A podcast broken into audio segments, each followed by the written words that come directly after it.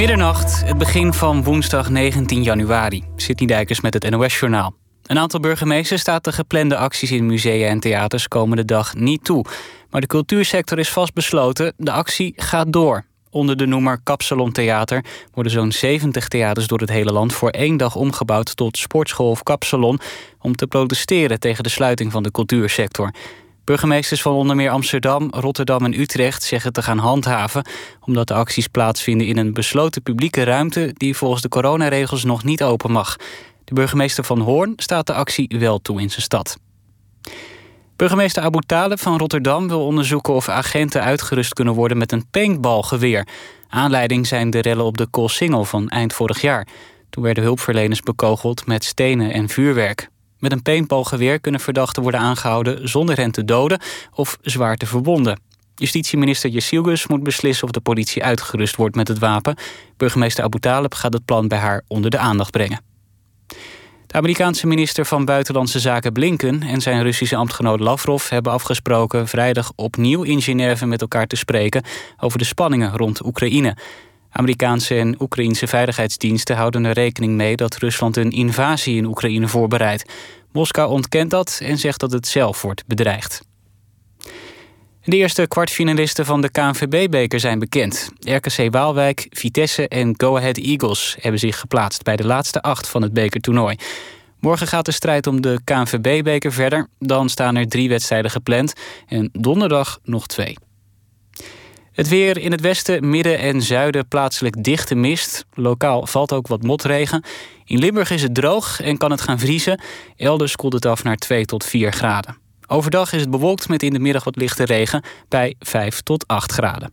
Dit was het NOS Journaal. NPO Radio 1. VPRO. Nooit meer slapen.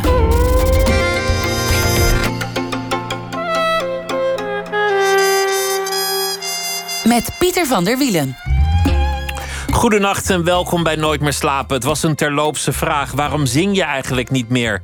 Ja, waarom zing je eigenlijk niet meer? Ooit wilde je niets liever. Je hebt conservatorium gedaan. Je hebt er zo hard op geploeterd. Je had toch een droom. In de roman waar gezongen wordt van schrijver Shuda Tas is dat het begin van een zelfonderzoek. Een tocht die uiteindelijk leidt langs thema's als familierelaties, schaamte, afkomst. Wanneer begon dat bestaan voor jou eigenlijk? Was dat bij je geboorte of was dat misschien al veel eerder, misschien wel generaties eerder? Kun je ooit vrij zijn van alle lasten, van alle tradities, van al die voorouders? Shula Tas zit tegenover mij, geboren in 1987, programmamaker, presentator en nu dus ook schrijver. Dochter van de beroemde psychiater Louis Tas. En waar gezongen wordt, dat is dus haar eerste boek. Welkom, Shula. Leuk dat je er bent. Dankjewel. Gefeliciteerd. Dankjewel. Leuk om hier te zijn. Dit, dit is toch het moment, dit is toch de, de dag dat hij in de winkel ligt? Ja, het is officieel. Hij ligt er. Heel onwerkelijk. Uh, ik was uh, vandaag even in de, in de Scheltema in Amsterdam. Het is een klein wonder dat ook nu de boekwinkels weer open zijn. En dat, hij, dat lijkt me een meevaller als je net een boek uit hebt. Een totale meevaller, want het, de boekpresentatie in, in de vorm die we bedacht hadden... Uh, kan nog niet doorgaan. We, gelukkig gaan we wel nog echt een fysiek moment doen... ergens in de komende weken. Uh, maar het feit dat nu de winkels open zijn, dat is echt geweldig. En hij ligt gewoon bij de ingang naast Adriaan van Dis en naast Jonathan Franzen. En dat zijn gewoon de schrijvers van dit moment. Ligt opeens mijn boek. Het is een heel bizarre gewaarwording. En lijkt, lijkt me een prachtig moment. Ja, ja, maar het is ook heel onwerkelijk. Ik, kan het nog niet helemaal geloven. Met, met welke gedachten ben je begonnen aan het boek? Wat, wat was eigenlijk je eerste aanzet of, of je eerste vonk van inspiratie?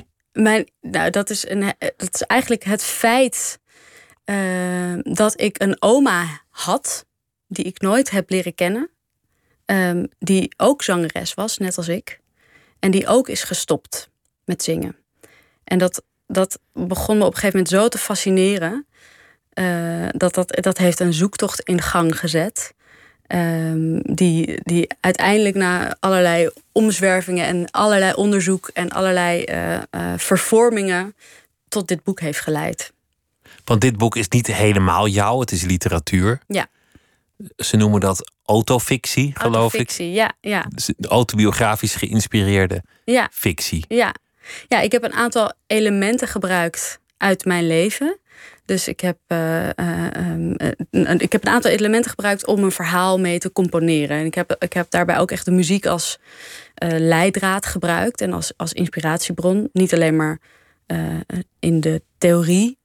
Dus ik heb allerlei theorie, muziektheorie erin verweven. Maar ik heb ook echt gedacht aan kleuren, tegenkleuren, refreintjes heb ik gebruikt om dit verhaal te vertellen. Zoals je een kleine symfonie zou schrijven, zo heb je een, een boek gemaakt. Ja, ja. Als een componist. Ja, ik heb het echt een beetje. En het, het motto is ook. Uh, is van Leonard Cohen en dat, dat gaat over. Uh, dat is. if it be your will that a voice be true, from this broken hill, I will sing to you. Dus het is ook bedoeld om te laten zingen het is, het is eigenlijk bedoeld als één groot lied. De, de stem in het boek, ja. die, die mij dit verhaal heeft verteld, is eigenlijk een zangstem. Ja, eigenlijk wel. Grappig dat je Leonard Cohen noemt, want, want hij was natuurlijk eigenlijk een dichter die op een zeker ogenblik van een bevriende muzikant. Je kan dit verhaal heel mooi en verheven vertellen. Je kan het mhm. ook wat platter maken. Mhm. Laten we vandaag de platte versie doen. Een vriend zei: Ben je nou nog steeds aan het rommelen met die gedichtjes? Weet je dat als je het popmuziek maakt, dat je er hartstikke rijk van kan worden? Ja. Toen dacht hij, nou ja, dat moet ik ook doen. Hij heeft, hij heeft allemaal mooie vrouwen achter zich aan. Hij rijdt in een dikke wagen. En ik zit nog steeds een beetje te, te ploeteren op mijn. Te eh, ploeteren op, op 40 bundeltjes te verkopen. Ja.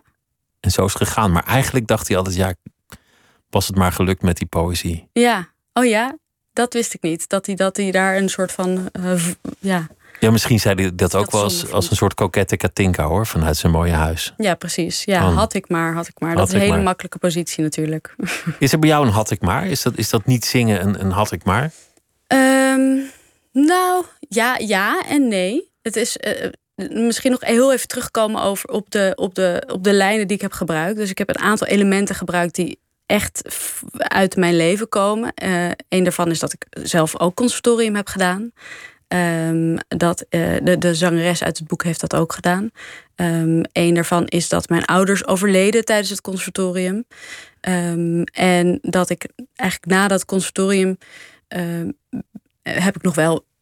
De Shula die hier tegenover jou zit, heeft nog wel muziek gemaakt, maar is niet de carrière uh, uh, als muzikant aangegaan. Dat heeft verschillende redenen. Maar uh, het, is altijd wel. Ik heb de deur naar muziek nooit gesloten. Dus ik heb uh, het, het aller, aller, allereerste moment dat ik begon aan dit project. Dat was toen ik met uh, uh, iemand, Shafina Bendaman, zat van Rose Stories.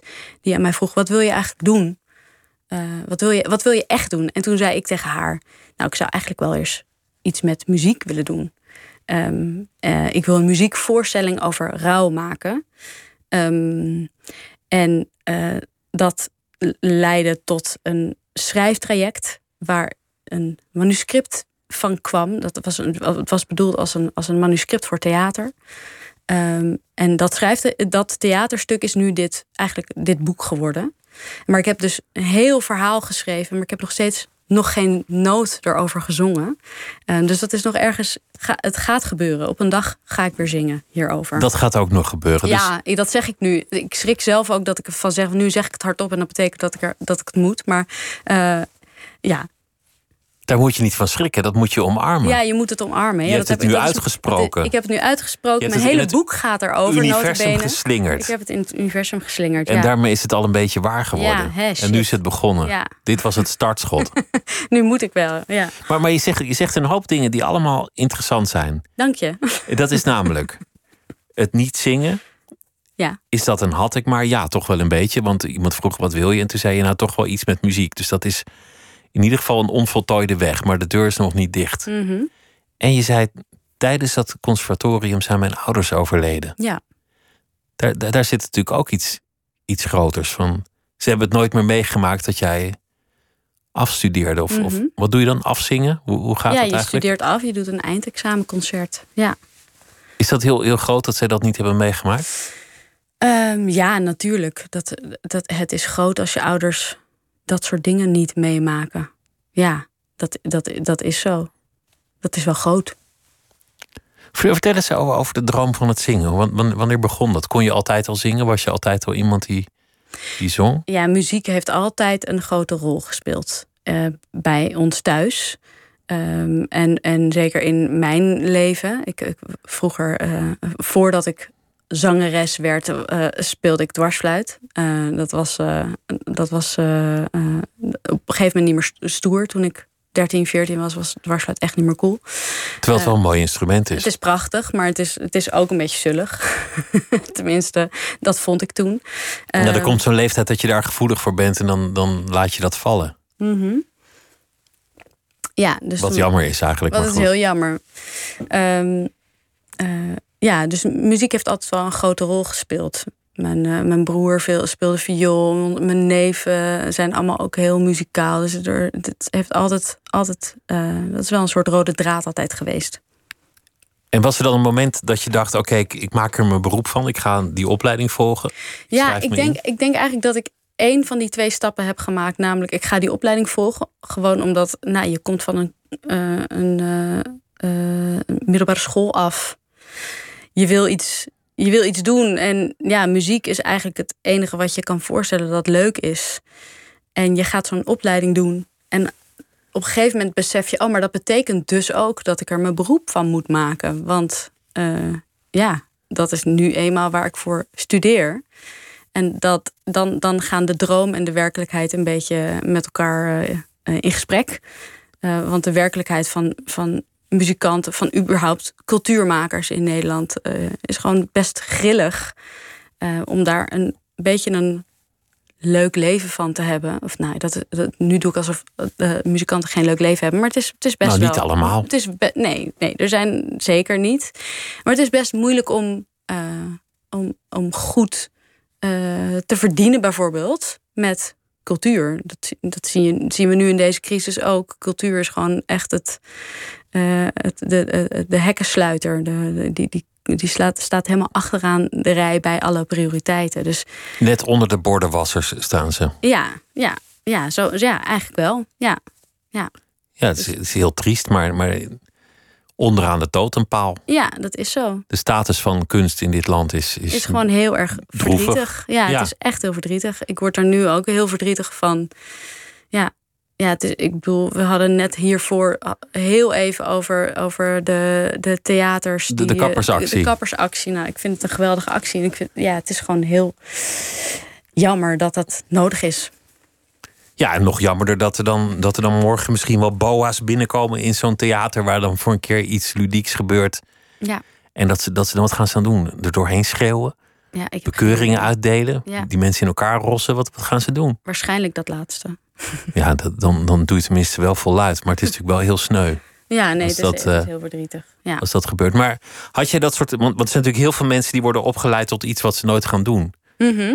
Zo zijn er allemaal mensen die doen iets met studies. Nou, die Ja. gaan nooit dat in praktijk brengen. Of, of je, je doet kunstgeschiedenis. Nou, die worden ook allemaal niet praktiserend kunsthistoricus. Dus Nee. jij wist ergens van: oké, ik doe dit, dit is mijn passie, maar misschien wordt het niet mijn beroep. Ja, nou, ik, dat had ook te maken met de studie zelf. Want ik, ik merkte op het conservatorium zelf al dat, ik, dat, ik een, dat er een honger bleef naar kennis. Want het is een hele fijne studie.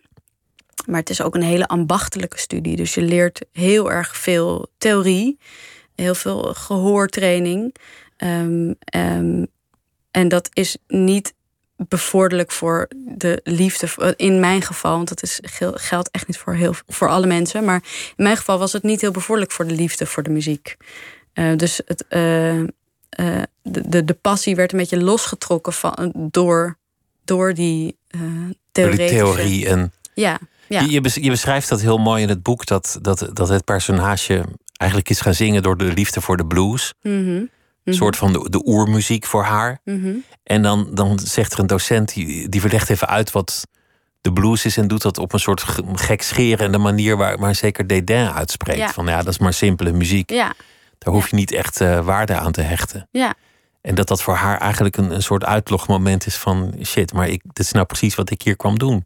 Ja, Die muziek, precies. daar ben ik hier voor gekomen. Ja, muziek al om verhalen mee eh, te, te vertellen. Muziek om, eh, eh, te, ja, om, om, om verbinding te maken.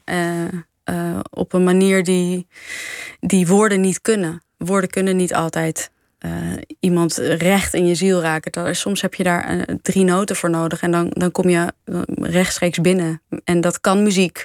Maar als je dat helemaal gaat ontleden, van nou, deze drie noten hier, die, die plaats je nu hier en dan daar. En dan zometeen uh, nou, schop je hem via links erin en daarom heeft dat dit effect. Nou, dat had op mij heel erg een desillusionerend effect. Je kan de blues niet reduceren tot A, A, B. Nee, dat kan niet. En drie dat akkoorden. Is het, en dat is het ook niet. Het is het niet. Het is, blues blues is, is overdracht, het is cultuur. Het is, het is, uh, in de blues zit, zit pijn. pijn. Er zit een, Overlevingsdrang. Ja, het is, het, is, het is overleving. Dat is het. Dat, dat is meteen een, een, een, een lijn in het boek die, die er heel elegant in brengt. Want je zei al, ik, ik heb een oma die ooit kon zingen en die het ook niet meer deed. Mm -hmm. En via die oma komt geleidelijk het grotere thema in het boek. Mm -hmm. Het loodzware thema van dat muziek overleven kan zijn. Ja. Niets minder. Ja. En dan, dan vertel je over liederen die werden gezongen in gevangenschap, in Mhm. kampen in de Tweede Wereldoorlog. Mhm. Met geen enkel ander doel dan overleven. Mhm. Dat, dat, Ja. is, dat is best een mokerslag die je dan uitdeelt aan de lezer, vind ik. Ja, nou, dank je. Dat was het idee ook. Ja. Had je, had je meteen door dat, dat die lijn bestond? Ja, zeg maar die flits van inspiratie waar we het net over hadden, dat was dat, was dat moment dat, ik za- dat je ziet van er, er is daar een verbinding tussen, tussen, dat, eh, tussen dat wat toen gebeurde, tussen, tussen mijn liefde voor muziek. Want dat is ook, eh, ik bedoel, dat is ook overleven. eh, als, je, als je op die manier eh, kan overdragen. eh, op, op die manier niet hoeft na te denken over de dingen. Dat is ook een vorm van overleven. Ehm, en eh, eh, ja, mijn oma zong ook eh, in het kamp. En ja, dat is zo'n mooi gegeven dat dat, ja, dat ik dat heel graag, daar, da- dat zag ik samen en da, daar heb ik aan geboetseerd. En dat is uiteindelijk de, de kern van het verhaal, denk ik. De kern van het verhaal is niet alleen waarom zing ik niet, maar ook wie ben ik, in welke lijnen sta ik, wat draag ik met me mee, kan ik mij loskoppelen van tradities? Ja, ja, Mag Ja. mijn leven echt beginnen waar, waar ik geboren ben? Of ja, moet, moet ik al dat verleden meetorsen? ja, En welk deel heb ik dan recht op? En Ja. welk deel niet? precies. Wie mag ik zijn? Ja, je legt het beter uit dan ik het zou kunnen zeggen, denk ik. Het, het zijn, het zijn prachtige, maar ook, ook best wel grote vragen. Ja. Ja, dat is ook zo.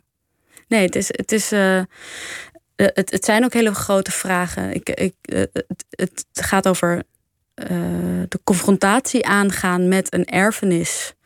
Ehm, en, en daar ook helemaal niet per se zin in hebben. Eigenlijk dat ook helemaal niet willen. Eh, niet alleen omdat het gewoon hele grote eh, ballast is die, die je meetorst, maar ook gewoon omdat je geen zin hebt om, om ermee bezig te zijn. Het, je torst het mee, maar je wil het ook lekker in die bagagebak houden. En eh, dat kan niet. Dat kan niet eeuwig. Tenzij je, of, als je, als je een scheppend, levend mens wil zijn, moet je ook. eh, Op een dag moet je dat aankijken. aangaan. Ja, je moet het, je moet het aangaan.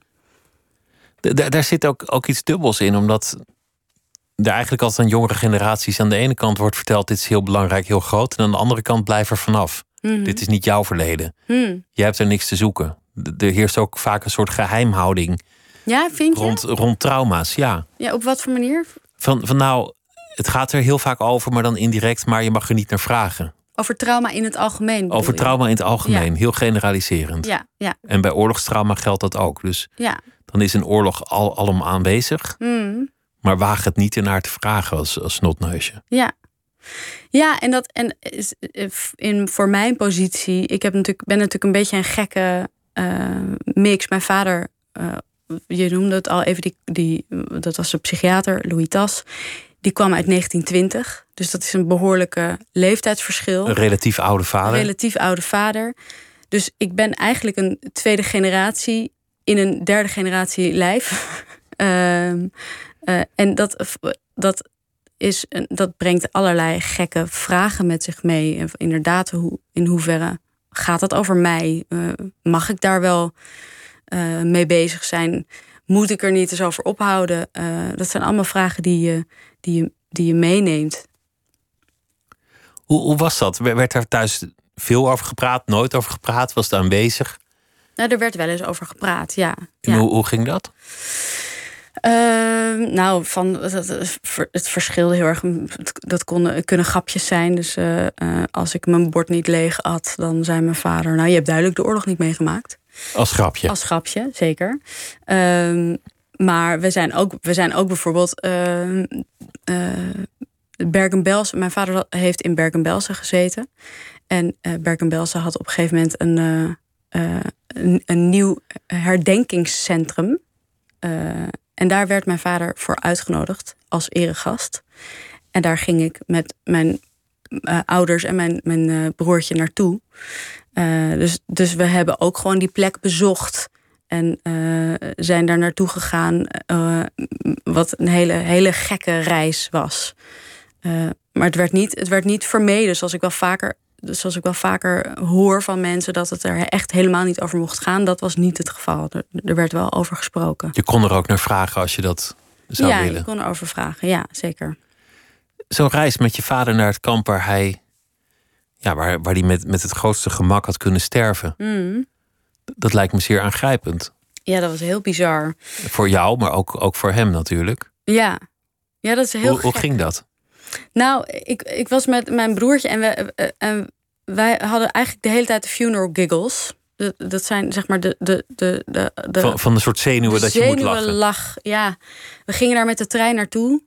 Nou, dat is op zich al. Nou ja, ik dat is al beladen. Dat natuurlijk. is al beladen. Nou, ik, ik zeg dit voor de luisteraar met een soort van rare glimlach op mijn gezicht. Omdat ik het nog steeds heel grappig vind ergens. Dat je dus met de trein naar Bergen-Belsen gaat. Van alle vervoermiddelen. Van alle vervoermiddelen. En toen hadden we vertraging. En toen zei mijn broertje: Nou, die Duitse spoorwegen die zijn ook niet zo efficiënt als het uh, ooit geweest is. Nou, en daar hebben wij dus dan heel erg hard om gelachen. En dat naast een vader die uh, ons soms niet goed hoorde, want hij was vrij doof. Uh, hij was best wel oud, dus hij hoorde onze grappen niet. Dus het was een hele rare twee, ja, tweebenige. en hoe, hoe oud waren jullie toen, allebei? We waren pubers, ik, of tieners in elk geval. Eh, eh, eh, ja, ik denk jaar of 18. Nee. Dus ook een beetje bezig met, met schoppen tegen alles. Ja, sowieso. Wat, wat ja. heilig is. Ja, maar ook omdat je gewoon, je weet echt niet wat je daarmee aan moet. Je, je, uh, en dat, dat ging natuurlijk ook wel voorbij hoor. Die, die, die rare spanning, dat, dat, dat toen we daar waren. En dan was er dus inderdaad een enorm herinneringscentrum met allemaal getuigenissen en foto's van hoe die mensen daar werden bevrijd. Um, waar mijn vader dus bij was, wat echt heel absurd is. Dat, dat, nou, dat, dat, dat hij dat als jonge man heeft dat meegemaakt. Hij dat als, als, jonge man heeft meegemaakt. Dat, dat, daar kan je helemaal niet bij. En dat is ook iets wat ik, uh, zeg maar, die, die, die gekke generatieverschillen, uh, dat heb ik ook geprobeerd om in dit boek te verwerken. Want als iemand uit, een, uit zo'n andere tijd komt met zulke andere ervaringen, dan is dat bijna alsof hij echt uit een ander land komt. Um, en uh, ik, heb, ik heb ook heel veel, voel heel veel verwantschap met mijn vrienden die biculturele uh, achtergrond hebben, omdat het dat uh, zeg maar een, een ouder uit een ander, ander land brengt heel veel, heeft heel veel consequenties. Waaronder een hele specifieke schaamte voor je ouders uh, die, die, die gaat over uh, niet helemaal uh, tussen, een beetje tussen wal en schip vallen van, van, de, van, van je, je leven zoals je die met je vriendjes beleeft en je leven zoals je dat. Die ouders hebt. die dat dan net niet helemaal begrijpen of net niet helemaal ja. kunnen meekomen, die, Precies. die je steeds dingen moet uitleggen. Ja, ja, ja. En een, en een vader uit een andere tijd. Ja. die heeft dat tijd. dan ook. Ja. En ja, ze, ze, hebben het dan tegenwoordig wel eens over derde generatie of zelfs vierde generatie trauma. Mm. In dit geval begrijp ik dat altijd heel goed, omdat het doel van de naties was het vernietigen mm -hmm. van elk potentieel nageslacht, meteen ja. ook. Ja. Dus, dus deze actie was zoveel groter dan alleen de eigen tijd. Ja. Alle generaties daarna hadden er niet mogen zijn in hun visie. Ja. Dat, ja. dat is al een traumatisch gegeven. Ja, dat is, dat is heel traumatisch. Uh, dat is iets wat heel erg natuurlijk aan, aan uh, uh, Joden in, in Amsterdam en in Europa is toebehoort. Maar het is zeg maar dat, dat intergenerationele trauma van afstammeling zijn van mensen die ontmenselijkt zijn. Dat is natuurlijk een veel breder thema. dat is ook denk ik heel erg de, de link met de blues bijvoorbeeld. Um, dat het, het onder ogen zien van, van die trauma's die vaak veel verder teruggaan. Uh, dat is niet alleen aan, aan Joden voorbehouden. Ik heb toevallig de luxe dat ik uh, voorouders had die veel hebben nagelaten, die veel hebben geschreven. Uh, maar er zijn ook heel veel mensen die, die dat niet hebben. En, die, de, de tot slaafgemaakten. De tot slaafgemaakten, ja. Die, die mochten geen eigen cultuur meer hebben, want Precies. dat was een gevaar voor opstand. Ja. Dus die werden losgetrokken van familieverbanden, van taal, ja, van herkomst, van, van religie. Ja, en, en de blues was een van de weinige dingen die ze hadden om, om nog een eigen cultuur erop na te ja, Ja, de blues houden. was ook verzet. Uh, het was ook uh, en, en verzet in, in, de, in de meest essentiële vorm, want het was uh, cultuur en cultuur is mens blijven. Um, en dat is ook waarom het zo zonde is om blues te reduceren tot een simpel schema van, de, van twaalf maten. Ja, dat is gewoon een symptoom van het allemaal niet begrijpen. Ja, van er, maar, maar wat er ook is, er zullen altijd mensen zijn die het niet begrijpen. Ja. En dat kunnen ook best heel geleerde mensen zijn. Ja. Die het gewoon echt totaal niet snappen. Ja. Ja. Moeten we daar dan weer mee met de mensen die het niet begrijpen? Ja, ik weet niet of je daar iets mee moet met mensen die het niet begrijpen. Maar ik denk dat het wel goed is om, uh, om te weten dat het ook wel begrepen wordt. De hele wereld begrijpt de blues inmiddels verder buiten de conservatoria, denk ik. ja, ik hoop ook dat dat. Nee, goed. Nee. Ik hoop dat het conservatorium waar ik heb gestudeerd, dat dat, dat, dat uh, misschien, misschien inmiddels een iets andere visie over de blues heeft ontwikkeld. Maar. Uh, hoe, hoe, hoe, is eigenlijk de, de rest van jouw familiegeschiedenis gegaan in de, in, in de oorlog? In de oorlog bedoel je. Uh, wie, hebben, wie hebben het overleefd en, en wie niet? Want, nou, want jouw vader heeft het overleefd. Ja. Wonderbaarlijk. Ja, en mijn opa en oma ook. Dus. Uh, die hebben samen in Bergen-Belsen gezeten. Um, en mijn tante, die is gevlucht nog op het, in het station. Of op het station in Amsterdam. Dus die heeft niet eens in een kamp hoeven zitten. Um, dus wonderbaarlijk genoeg hebben zij het allemaal overleefd. En dan aan mijn moeders kant heb je weer een heel ander verhaal. waar ook niet altijd. Dat is weer trouwens een heel andere. Uh, um, daar, daar ging er, werd er heel anders mee omgegaan. Dat was, daar weet ik veel minder van, bijvoorbeeld. Je, je noemt het wel in je boek en dan noem je het, ja. het thema van de, van de vader-Jood. Ja. Dus dat je, dat je Joods genoeg bent om Jood te zijn in de, oor, in, in de ogen van de nazi's. Mm -hmm. Maar Precies. niet Joods genoeg om, om Jood te zijn in de ogen van de, de Joden. Joden. Ja. Ja. Nou, ook weer niet alle Joden, maar goed, dan, dan eigenlijk val je dan er een beetje tussen. Ja. Mag je wel aanspraak maken op die traditie? Ja. Dat soort dingen. Ja. Ja, dat, dat, is, dat is een hele gekke positie. En dat is. Uh, uh, ja, er worstelen heel veel mensen mee. En dat is ook steeds meer een thema, begrijp ik, uh, in de Joodse gemeenschap. Om daar misschien toch iets coulanter in te zijn. Omdat het. omdat dat, het is een hele rare vorm van uitsluiting. Jij hoort er wel bij, jij hoort er niet ja. bij. Ja. Dat, dat soort dingen. Ja. Wel, leefden jullie heel erg in een, in een Joodse traditie? Was er een groot bewustzijn? Gingen jullie naar een synagoge? Vierden jullie uh, nee, eigenlijk feestdagen, dat niet. soort dingen? Nee, nee, nee. Heel seculier. Niet. Nee, dat is, ook wat ik, uh, dat is ook wat ik in het boek beschrijf. Is dat, het, dat het um, een hele aanwezige... Het is eigenlijk een soort sluimeridentiteit die er was. Um, we, ik, ik heb altijd wel geweten dat, ik, dat, we, dat we daar vandaan kwamen, maar er werd niks mee gedaan. Um, uh, we hebben, ik heb een hele Joodse naam bijvoorbeeld, uh, die ik zelf nooit heb begrepen. Um, ik heb ook nooit begrepen waarom, waarom ze voor zulke Joodse namen hebben gekozen. Um, ik denk dat ik daar nu iets beter begrip van heb. Maar dus, dus het, het boek gaat ook heel erg over hoe moet je nou omgaan met zo'n cultuur, zo'n identiteit die je uh, wel hebt gekregen en niet hebt gekregen. Die je, die je niet hebt leren kennen. Is het wel jouw identiteit? Hoor je wel bij die cultuur? Moet je, moet je die eigenlijk in leven houden via jezelf? Ja. Of ja. Dat, dat soort vragen gaat ja. het over. Ja. Als, als zingen zo belangrijk voor je is, waarom, waarom doe je het dan niet elke dag eigenlijk? Ja. Ja, dat is een goede vraag. Nou, ik heb, ik heb nu ik heb twee hele jonge kinderen. Waarvan de jongste is nu vijf maanden. En ik zing voor mijn kinderen heel veel. Gewoon slaapliedjes en, ja. en wakker worden. En dat is een hele andere manier van weer met die muziek in aanraking komen. Ja, nou ja, dat, het is een hele goede vraag natuurlijk. Waarom zing je niet meer? Het is eh, zo goed voor, dat je er een boek van eh, over kunt schrijven. Ja, precies. nou ja, dat is. Ik bedoel, ik, in principe moeten mensen natuurlijk gewoon dit boek lezen, want, want, want daar komt een, in elk geval een antwoord op de vraag. Uh, voor voor uh, de Shula uit het boek in elk geval. Uh, voor de Shula die hier tegenover je zit, is het, is het een vraag waar ik ook gewoon niet echt een antwoord op heb, nog per se. Omdat het. Um, omdat ik niet de muziek um, buiten de deur heb gezet.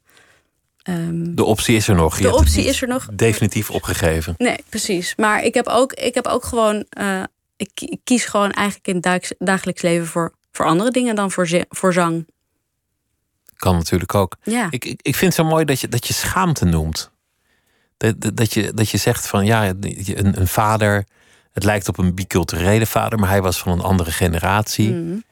Daar, daar zit al een soort gêne in van, Mhm. oh ja, papa kan niet meekomen. Mhm. Je hebt het over die cultuur, mag ik daar wel of niet deel van uitmaken? Daar zit ook alweer een soort gêne in. Ja. Ehm, heb ik wel recht op deze trauma's? Want ik heb het natuurlijk helemaal niet zo erg gehad als de generaties voor mij. Mhm. Is weer schaamte. En je, en je vader als psychiater was de, de grote schaamte-expert. Mhm. Ja. Ja. Met, met de schaamteclub had hij. Ja, het schaamteclubje. Wat, wat was het schaamteclubje? Het schaamteclubje was een, een, een groep van mensen die. Uh, oorspronkelijk waren het uh, psychologen en psychiaters. Het is opgericht door mijn vader en door Helene Terwijn.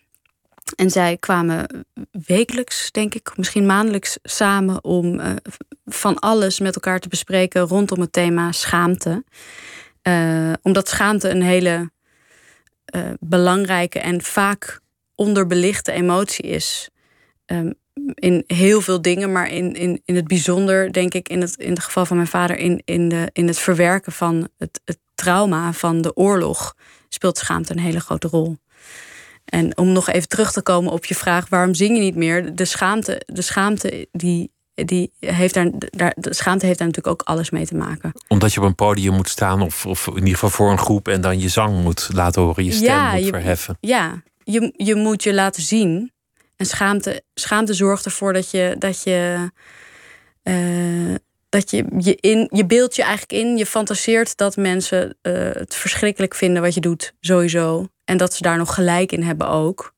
Um, en uh, dat, dat schaamte zijpelt door generaties heen. En het is, het is een hele nare, verlammende emotie om te hebben. Um, heel anders bijvoorbeeld dan woede, uh, of verdriet. Wat, wat, woede heb je, dat kan je naar buiten richten. Verdriet, dat heeft ook een soort mooie. Bevrijdende werking. Bevrijd, ja, of het gaat in elk geval, het kan ook over liefde gaan. Verdriet is ook het verlies hebben over iets. En dat iets heb je ook lief gehad. Dus dat heeft ook iets. Dat kan ook iets heel moois hebben. Verdriet om iets. En schaamte, dat, dat verteert je echt. Dat maakt je echt een beetje kapot van binnen. Schaamte is sociale pijn, is geloof ik een citaat ja. van jouw vader. Ja, klopt. En schaamte staat ons vaak in de weg in de verwerking van dingen, omdat we niet kunnen praten vanwege schaamte. Mm -hmm. Maar het is ook de basis van onze neuroses. Mm. De schaamte is dat, dat, je, dat je ineens naakt in een winkelcentrum staat als enige. Ja. En daar ben je dan bang voor. Dus dat is een basis van een soort neurose. Dat je, dat je denkt, god, ja, we zijn allemaal onder die kleren naakt en ineens kan je daar staan. En daar begint al een beetje het, het neurotische zich te manifesteren bij dat soort gedachten. Ja, ja, ja ik, weet, ik weet, neurose. Ik weet niet of ik, het, of, of ik per se de neurose. Of ik, of ik het daarmee eens ben, of het neurotisch is. Uh, ja, nee, ja, ik moet, ik moet er even over nadenken. Potentieel neurotisch. Potentieel neurotisch. Ja, ja nou ja, het is, het is een, het is, in die zin is het neurotisch omdat het, uh, uh, het bestaat, zeg maar, het bestaat alleen maar tussen je oren. Het is niet echt is, schaamte, het is een, een, waan. Het is een waan. Het is een, uh, het is een, ja, het is een waan. Dat is wel een mooie manier om het te zeggen. Want, want dat beschrijf je in je boek zo mooi. Dat, dat je vader op een, op zeker ogenblik het er ook over heeft van... eigenlijk maakt degene die zich schaamt zichzelf groter dan die is. Ja. ja. Plaatst zichzelf in het centrum waar die niet staat. Ja, ja. ja, je denkt, iedereen kijkt naar mij en iedereen vindt mij verschrikkelijk. En, uh, uh, en ze hebben nog gelijk ook. Ik ben ook verschrikkelijk. Dat is, dat is eigenlijk de, uh, de gedachtenspiraal waar je in terecht komt. En uh, uh, dat is natuurlijk heel verlammend. Als je creatief wil zijn, dan, maakt dat alles kapot. Dat is ook. Uh, uh, dat, soort, dat soort schaamtegevoelens zijn ook op een gegeven moment een beetje een motor geworden voor dit boek. Omdat ja, de, de schaamte. Dat, je kan daar niet omheen. Je kan er niet omheen als je, als je wil maken. Je moet, je moet er doorheen. Dus je, je moet, moet het er aankijken. doorheen. Ja. Het tegenovergestelde is juist de gedachte dat je denkt: ik ga het helemaal maken. Dit, dit, dit wordt een Ja. fantastisch boek. Maar dat kan je dus tegenover zetten. Ik word de nieuwe Proest. Let Ja. maar op. Ja, ja, ja, ja. Nou, dat, ik bedoel, ik, ik ken weinig makers die op die manier eh, maken. Ik bedoel, nou ik ja, ken er een paar. Ze hebben niet gelijk, zijn- maar ze zijn, er. Ja, ja. Het zijn niet per se de meest leuke mensen eh, om mee te. Is mijn ervaring. Mensen die echt eh, schaamteloos zijn, dat zijn niet per se leuke mensen. Ehm, Het worden ook niet altijd de beste boeken, al denken Nee. de auteurs daar vaak zelf dan net iets Ja. anders over. ja, en schaamte is dus, heeft ook ergens een hele nuttige functie. Want het, het zorgt er wel. Het is, een, ook een, het is ook een sociale emotie natuurlijk. Het heeft, het heeft ook een sociale functie. Ehm, eh, Om je binnen de groep te houden. ja, om je binnen de groep te houden. Maar dat kan dus ook heel erg doorslaan. Maar je maakt eigenlijk een fantasie van de te anticiperen nederlaag. Ja, En dat is schaamte. Ja, en, en, Ja. en om daar tegenover te zetten, inderdaad, de fantasie van het kan ook lukken. eh, dat, is, dat, dat is eigenlijk het enige remedie. En eh, ja, tenminste, dat is mijn ervaring. Eh, voor, voor mij heeft iemand dat tegen mij gezegd, maar wat als het lukt? Had je die mogelijkheid wel eens overwogen? Had je dat wel eens overwogen? En eh, dat was trouwens Erik van Brugge. Ik vind het wel leuk om heel even zijn naam te noemen. omdat, hij, omdat- omdat hij helaas niet meer leeft. Omdat hij helaas niet meer leeft. Ehm, en die, eh, die met één opmerking heeft hij, eigenlijk, heeft hij eigenlijk me doen inzien dat ik me schaamde daarover.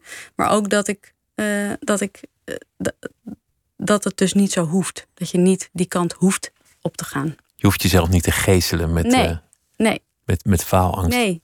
Maar was je vader eigenlijk een schaamtevolle man zelf? Ehm, ja, ja, Waarmee hij, ik bedoel, zat hij zelf vol, vol schaamte? ja, ja. Ja, hij noemde zichzelf ook wel eh, schaamte-expert. De, de, ervaren, de ervaren schamer. Ja. Ja. Je, je beschrijft één moment dat, dat dan op een gegeven moment de bakker zegt... lekker met je kleindochter op pad. ja. En dat hij met een soort knipoog naar jou zegt... ja, ja, lekker met mijn kleindochter op pad. Omdat Mhm. hij, dat hij het niet durft of niet wil Ja, corrigeren. Ja. Ja. Dat is de bakker. Die man wil in essentie alleen maar kaaskoekjes verkopen. ja, ja. Ja, dat, dat is natuurlijk dat, dat soort gedrag krijg je dan. Dat iemand, eh, eh, nou tenminste, ik weet dat ook niet zeker. Ik, ik omschrijf ook in, in die scène. eh, het is ook, het is ook deel, deels een fictieve scène, maar ik omschrijf daarin ook van wat is nou de reden eh, dat iemand niet gewoon zegt: nee hoor, dit is mijn dochter. Ehm, eh, is dat schaamte? Ja, dat of je wil, de, de vraag. je wil ook misschien de schaamte bij de bakker vermijden. Precies, want het kan ook gaan over iemand anders niet een vervelend gevoel geven. Maar, maar de vraag, eh, ben je lekker op stap met je opa? Die kreeg ik heel vaak en, en eh, kregen we heel vaak. En eh, daar kwam eigenlijk altijd een soort van eh, dempende reactie op. Het was nooit van nee, nee, dit is mijn dochter. En dat, dat is heel, heel frappant. Achteraf vind ik dat heel geinig om daarover na te denken. Wat dan eigenlijk Wat was dat de nou reden eigenlijk? was. Ja. Wat, wat Ja. denk je? Nou, ik denk, ik denk, mijn vader was een hele sociale man. Dus ik denk dat hij, dat hij de bakker niet een, een rot gevoel wilde geven. Maar voor mij wekte die vraag heel veel schaamte op. Want eh, eh, eh, ja, je Hij vader is heel dat- oud. Je en hij wil niet zeggen dat je de dochter bent. En hij, Nou, nee, nee ja. gewoon de, de- het feit dat iemand denkt dat mijn vader mijn opa is, dat vond ik heel gênant. Als kind. En achteraf, achteraf kan je dat heel erg relativeren, maar als kind vond ik dat heel, heel erg. Want dat, dat maakte jou een uitzondering met een ja, oudere vader. Je valt buiten de boot, ja. Je, je, je, valt, je valt uit de toon. Ja, Had, had hij denk je ook, ook schaamte over het overleven van de oorlog? ja, Dat hij het wel gered had. Nou, ja. Uh, dat, is een, dat is een hele ingewikkelde vraag, vind ik. Omdat het... Uh, ja, dat is gewoon een hele beladen vraag. Maar ik denk uiteindelijk ja. En dat komt om. En de reden dat ik dat zeg is omdat dat er altijd. Uh, als je er naar vroeg, dan kwamen er antwoorden over. Ja, maar wij hadden nu eenmaal toevallig konden we, konden we dat doen. En daarom hebben we het kunnen overleven. Uh, uh, er waren altijd omstandigheden die, die, die ervoor zorgden dat ze in sta, ervoor zorgden dat ze, dat ze in een positie geraakten. En dat, ja, dat, heeft, dat, dat, is, dat is een soort survivors guilt, survivor shame. Uh, ja, dat, dat denk ik wel. Dus, dus dan maak je het een, soort passieve handeling. Het was toeval dat wij ja, daar terecht kwamen. Ja, we hebben niet iets goed gedaan of we zijn niet een held of, of, ja. of handig geweest of, of wat dan ook. Nee, precies. Dat, dat kan, je natuurlijk, kan je natuurlijk helemaal niet zeggen. Dat, dat, want daar zou een soort schuld aan al die doden in zitten. Ja. Dat is natuurlijk niemand die, die daar wil komen. Ja, nou, ik denk dat, maar ik denk vooral dat de grootste schaamte, want er is, het is natuurlijk een hele weerwar aan emoties. Je kan daar niet per se. Ik denk niet dat je daar een ja of nee antwoord op kan geven. Maar de grootste schaamte zit natuurlijk in, in hoe je wordt behandeld. Dat je, dat, dat je, je ontmenselijkt bent. Dat je ontmenselijkt bent. Dat is de grote schaamte van, van de overlevers van de oorlog. Dat ze zichzelf hebben gezien in die positie waarin je eigenlijk tot iets lager dan een beest bent gemaakt. Ja, ja. En dat was, dat was moedwillig dat ze, dat ze zo ontmenselijkt werden, want dat maakte het makkelijker om ze, om ze op te ruimen. Om ze tot doelwit te maken. Om ja, ze tot doelwit te maken. Ook om, om, om in, de, in de maatschappij ze mm, te isoleren. Het is, het is zonder gruwel dat je, dat je er eigenlijk niet, niet over wil nadenken. Mm Precies, ja. Je wil er helemaal niet over nadenken. Je wil helemaal niet dat het zo is. Dat het echt is gebeurd. Wat, wat, wat was je vader eigenlijk verder voor vader? Wat was het eigenlijk verder voor man? Eh, buiten de oorlog en, en de Buiten de oorlog en de schaamte. En, en de schaamte en het, en het ouder zijn. Ja, nou, het was een hele lieve, grappige man. Ehm, eh, heel sportief. Uh, we gingen altijd zwemmen samen. Um, en uh, hij, was, hij, kwam uit een andere tijd. Dus de, de, de um, rolverdeling thuis was echt wel uit een andere tijd. Ook mijn, mijn vader die was aan het werk en mijn moeder die deed de verzorging. Ja, ja. In die zin wel gewoon een soort traditioneel patroon eigenlijk. Ja, wel echt een traditioneel patroon. Hij kwam echt uit een tijd dat, dat de kinderen aan tafel niet spraken. Uh, hij werd zelf opgevoed door nannies. Dus dat is wel. Uh, en het was trouwens niet dat wij aan tafel niet mochten spreken hoor. Want dat, dat, was, het was, dat had ook helemaal nooit gekund, want daar waren er veel te veel kinderen voor. Maar uh, dat was wel de tijd waar hij uitkwam. Hij is wel gemoderniseerd in die zin. Zeker, ja. ja, ja. We hadden het over de blues als een manier om te, om te overleven. En dan moeten we ook luisteren naar iets van, van blues. Maar ik, ik dacht, ja, we gaan iets wat er heel erg tegen aanschurkt, maar het net niet is. Ja. Aretha Franklin, omdat... Ja, ik vind dus Aretha Franklin blues... Ik, ik, ik, ik gebruik blues altijd om een soort van bredere... Uh, breder genre aan te geven. Ik weet dat het niet strikt genomen echt de blues is, maar ik vind Aretha Franklin blues. Nou, het is in ieder geval doordrenkt van de blues. Ja, precies. En niemand kan in alles wat ze zingt het zo laten doorcijpelen. Ja. ja precies. Dat, dat ze weet wat het is. En als je het hebt over zingen, dan, dan wordt het niet echt veel mooier dan dit. Nee, absoluut. We gaan luisteren naar uh, Don't Play That Song For Me. Fijn.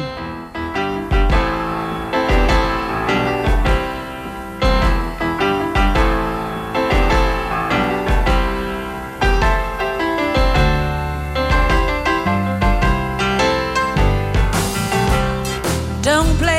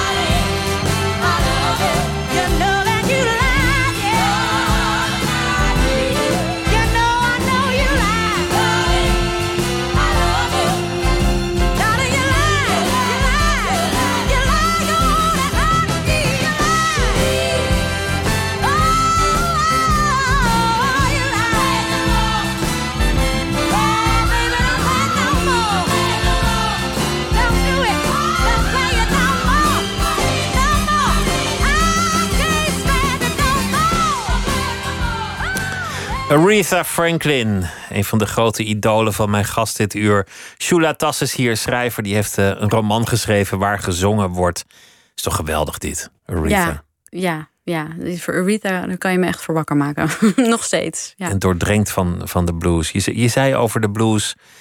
De blues is belangrijk, want het is een manier van overleven. En zingen mm. kan een manier van overleven zijn.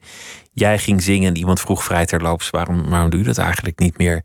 En, en zo'n simpele vraag werd het begin van een onderzoek dat uiteindelijk leidt naar thema's als identiteit, schaamte, in een traditie staan, omgaan met het verleden van je familie. Hmm. En vooral het gegeven dat je een grootmoeder hebt gehad die ook zong en op een dag ook niet meer zong. Hmm. En die in het kamp gezongen heeft om daar zichzelf in leven te houden. Mm Jiddische liederen waren het, geloof ik. Ja dat, dat was eigenlijk een groot gegeven waar langs je dit als een soort compositie hebt opgebouwd. Je zei, ik ben echt muzikaal te werk gegaan met thema's, kleuren, refreinen, tegenkleuren. En zo dat boek maken. En over schaamte zei, het was Erik van Brugge, inmiddels niet meer onder ons, die zei: Het kan ook wel lukken. Ja omdat je al die schaamte geïnternaliseerd had. Wat als dit boek niet goed wordt? Wat als ik kapot word geschreven? Hmm. Wat als het maar één bal krijgt in de Volkskrant? wat als niemand het koopt? Nou ja, je, je kent die riedel vast beter dan ik zelf. Zeker. En zo spraken we over, over het, het zingen. Wat je niet helemaal hebt afgesloten. Want dat gaat nog wel een keer gebeuren. Dit moet ook een voorstelling worden uiteindelijk. Zo ben je eraan begonnen. Dus... Zo ben ik aan begonnen, inderdaad. Ja, ja, ja. En we hebben het gehad over, over jouw vader en, en over het oorlogsverleden. Mm en Bergen-Belsen bezoeken samen met je vader als mhm. tieners. Een beetje grapjes maken over de Duitse spoorwegen. Van, eh, nou, vroeger reden ze wel op tijd. Dat soort humor, galgenhumor eigenlijk. Ja, ja. Over de oorlog wilde ik het dus helemaal niet hebben in het boek. Ik wilde helemaal niet daarover praten. Want ik dacht, gaan we weer? En ik merk nu ook van, oh ja, shit, nou we zitten erin. En ik moet het toch benoemen dat dat dus blijkbaar ook uh, weerstand op, opriep.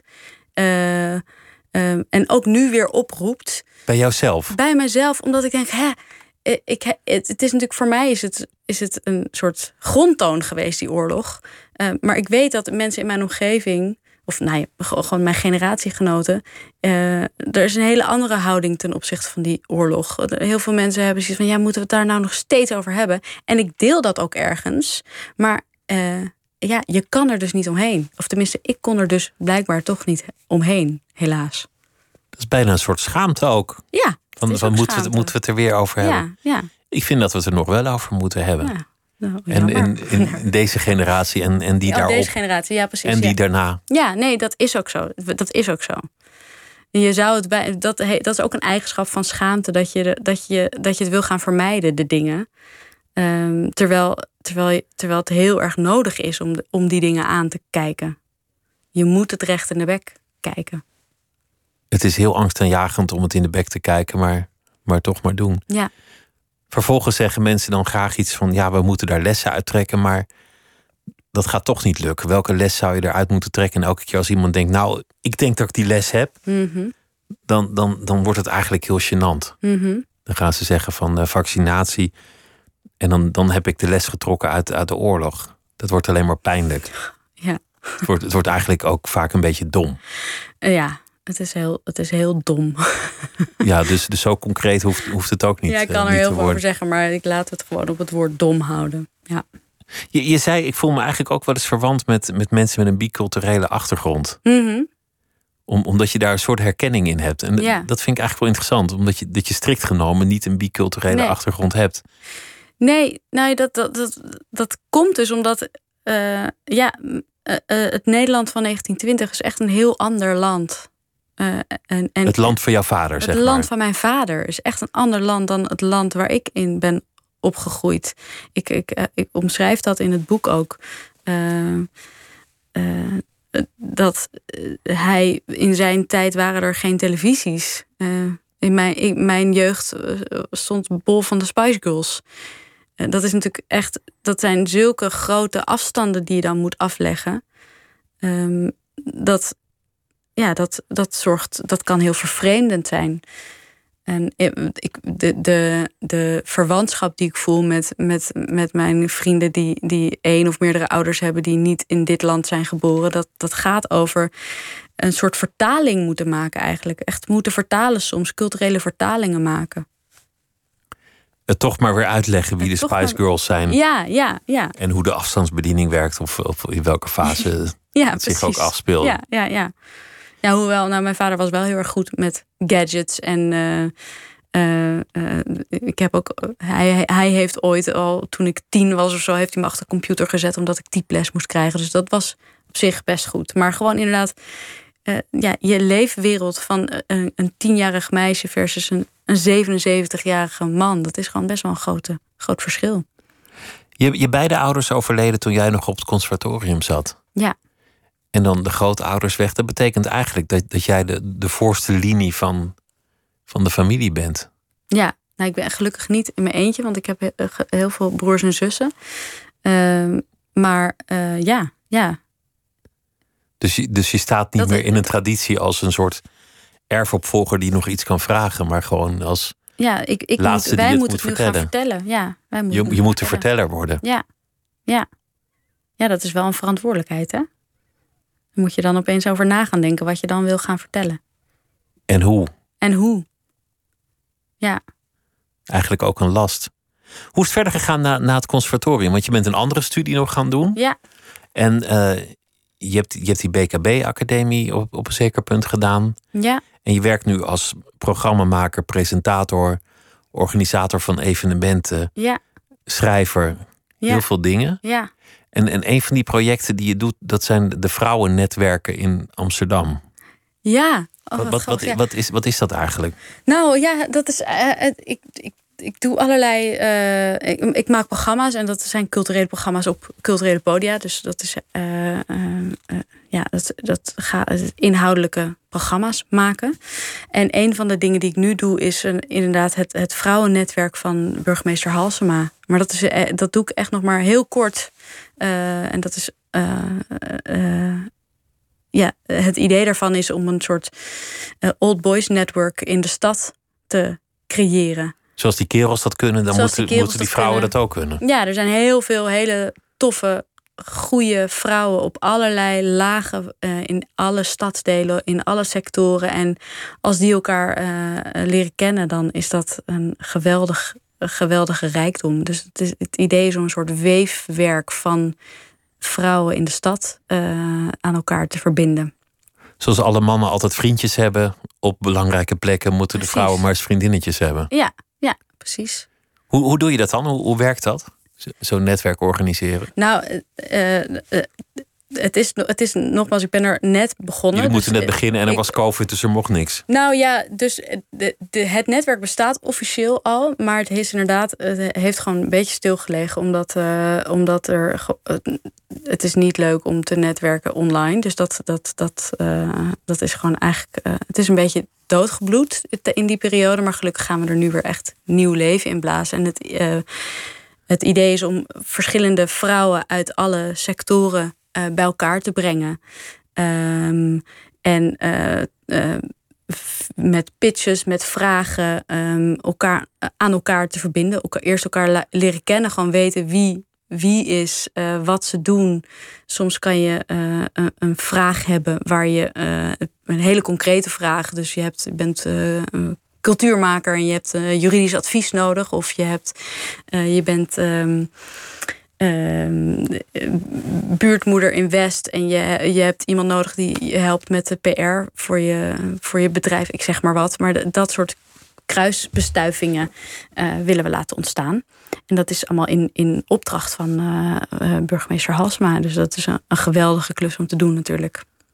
Klinkt als, klinkt als echt een, een leuke, leuke gig. Ja, het is heel leuk. Ja, dat is heel leuk. Je, je, je had het ook over, over die theatervoorstelling die je misschien ging maken. Maar je, Mhm. je loopt er ook een beetje voor weg van ja, ja, misschien, misschien. Wat, Nou, wat is dat eigenlijk? Nou, nee, het, het oorspronkelijke idee was om hier, eh, om hier een theaterstuk van te maken. Om het ook zelf te gaan spelen. En ehm, toen gebeurden er verschillende dingen. Eén daarvan is natuurlijk COVID. Ehm, twee is dat ik eh, eh, kinderen ging maken. Eh, waardoor gewoon- Op de wereld op zetten? de wereld zetten. eh, en, eh, eh, dus er zijn allemaal dingen tussen gekomen. En, ik, en inmiddels, zoals dat gaat met zo'n idee, zou ik nu nog steeds. Want je, je, op een gegeven moment ben je ook wel uitgespeeld met een bepaald idee. Dus ik weet niet of ik dan dit thema in deze vorm uh, op een podium zou willen brengen. Of dat ik misschien een heel, heel nieuw verhaal wil vertellen. Um, dus dat is, dat is gewoon eigenlijk te pril nog om er iets over te zeggen. Maar ik heb wel een, een stellig voornemen om weer eens iets met muziek te doen. dus dat zal, het zal gebeuren. Ik vind het juist zo mooi dat je, dat je dan dat creatieve pad volgt. Ja. Dat, dat iemand een vraag stelt en dat je dat dan gaat omzetten in iets voor op een podium. En dat je dan denkt, nou misschien met muziek, misschien zonder muziek. En dat je dan gaat schrijven en dat het een soort outline wordt. En dat je dan denkt, oh ja, want hier zit een boek in. Ja. En eigenlijk gaat het hierover. En dat je dat pad gewoon heel gehoorzaam volgt. Ja, dat is en wel... dat je dan echt met een boek komt. Ja, nee, het is inderdaad wel echt een beetje het pad volgen. Want ik, ik merkte ook toen ik dus toen, die, toen het idee ontstond van een voorstelling over rouw, ik begon met het idee: oké, dan ga ik, dan ga ik uh, uh, want rouw is natuurlijk een heel universeel thema. Dan ga ik gewoon mooie muziek uit verschillende culturen, ga ik het aan elkaar verbinden. Daar hoef je helemaal niet een persoonlijk verhaal van te maken. Dat was mijn oorspronkelijke idee, maar dat kan helemaal niet. Je moet om, een, om, om te resoneren, moet je, uh, om iets universeels te maken, moet je persoonlijk gaan. Dus, en dat, dat, daar wil, dat wilde ik eigenlijk helemaal niet. Dus het is ook, af en toe denk ik, jee, maar ik heb nu echt iets heel persoonlijks gemaakt. Dat was helemaal niet mijn opzet van tevoren. um, um, uh, maar uh, ja, inmiddels is het een verhaal. Uh, op een gegeven moment werd dat dus, oké, ik wil een ik wil een verhaal vertellen dat mij ontstijgt. Dat, dat, dat, dat, uh, uh, dat ook bij andere mensen resoneert, maar dat wel kan beginnen vanuit, vanuit dat hele persoonlijke. Dat is juist het, het merkwaardige aan kunst, dat als iemand iets heel particuliers, ja. heel persoonlijks maakt, ja. wordt het juist universeel. Ja, en ik wilde daar dus de hele tijd van wegrennen. Dat is wat ik net wilde zeggen. Ik wilde dat, ik wilde dat helemaal niet. En dat werd op een gegeven moment. Uh, voor mij een reden om er naartoe te gaan. Dat ik dacht, oh, daar, daar zit weerstand. Maar dat is dus ook waar het gaat resoneren. Dat wat ik eigenlijk helemaal niet wil, dat is waar ik naartoe moet. Omdat daar, uh, uh, omdat daar de schatten zitten. Je moet die vinger juist leggen waar het pijn doet. Ja, ja. Daar, daar zit het. Ja. Dus het is een ongelooflijk pijnlijk proces. Ik kan niemand aanraden. Maar het boek is er. Het het ligt boek in de is winkel. er. Tussen Ja. Adriaan van Dis en eh, Jonathan Franzen. Ja. Wat wil je nog meer? Ja, En het is een mooi boek. Ik heb het echt met groot plezier gelezen. Shuletas, dank je wel. Dank jou. Waar gezongen wordt, is de, de titel ervan. En dit was Nooit meer slapen voor vannacht. En morgen, wat doen we morgen? Morgen zijn we er gewoon weer. En zometeen Misha op deze zender. Tot morgen.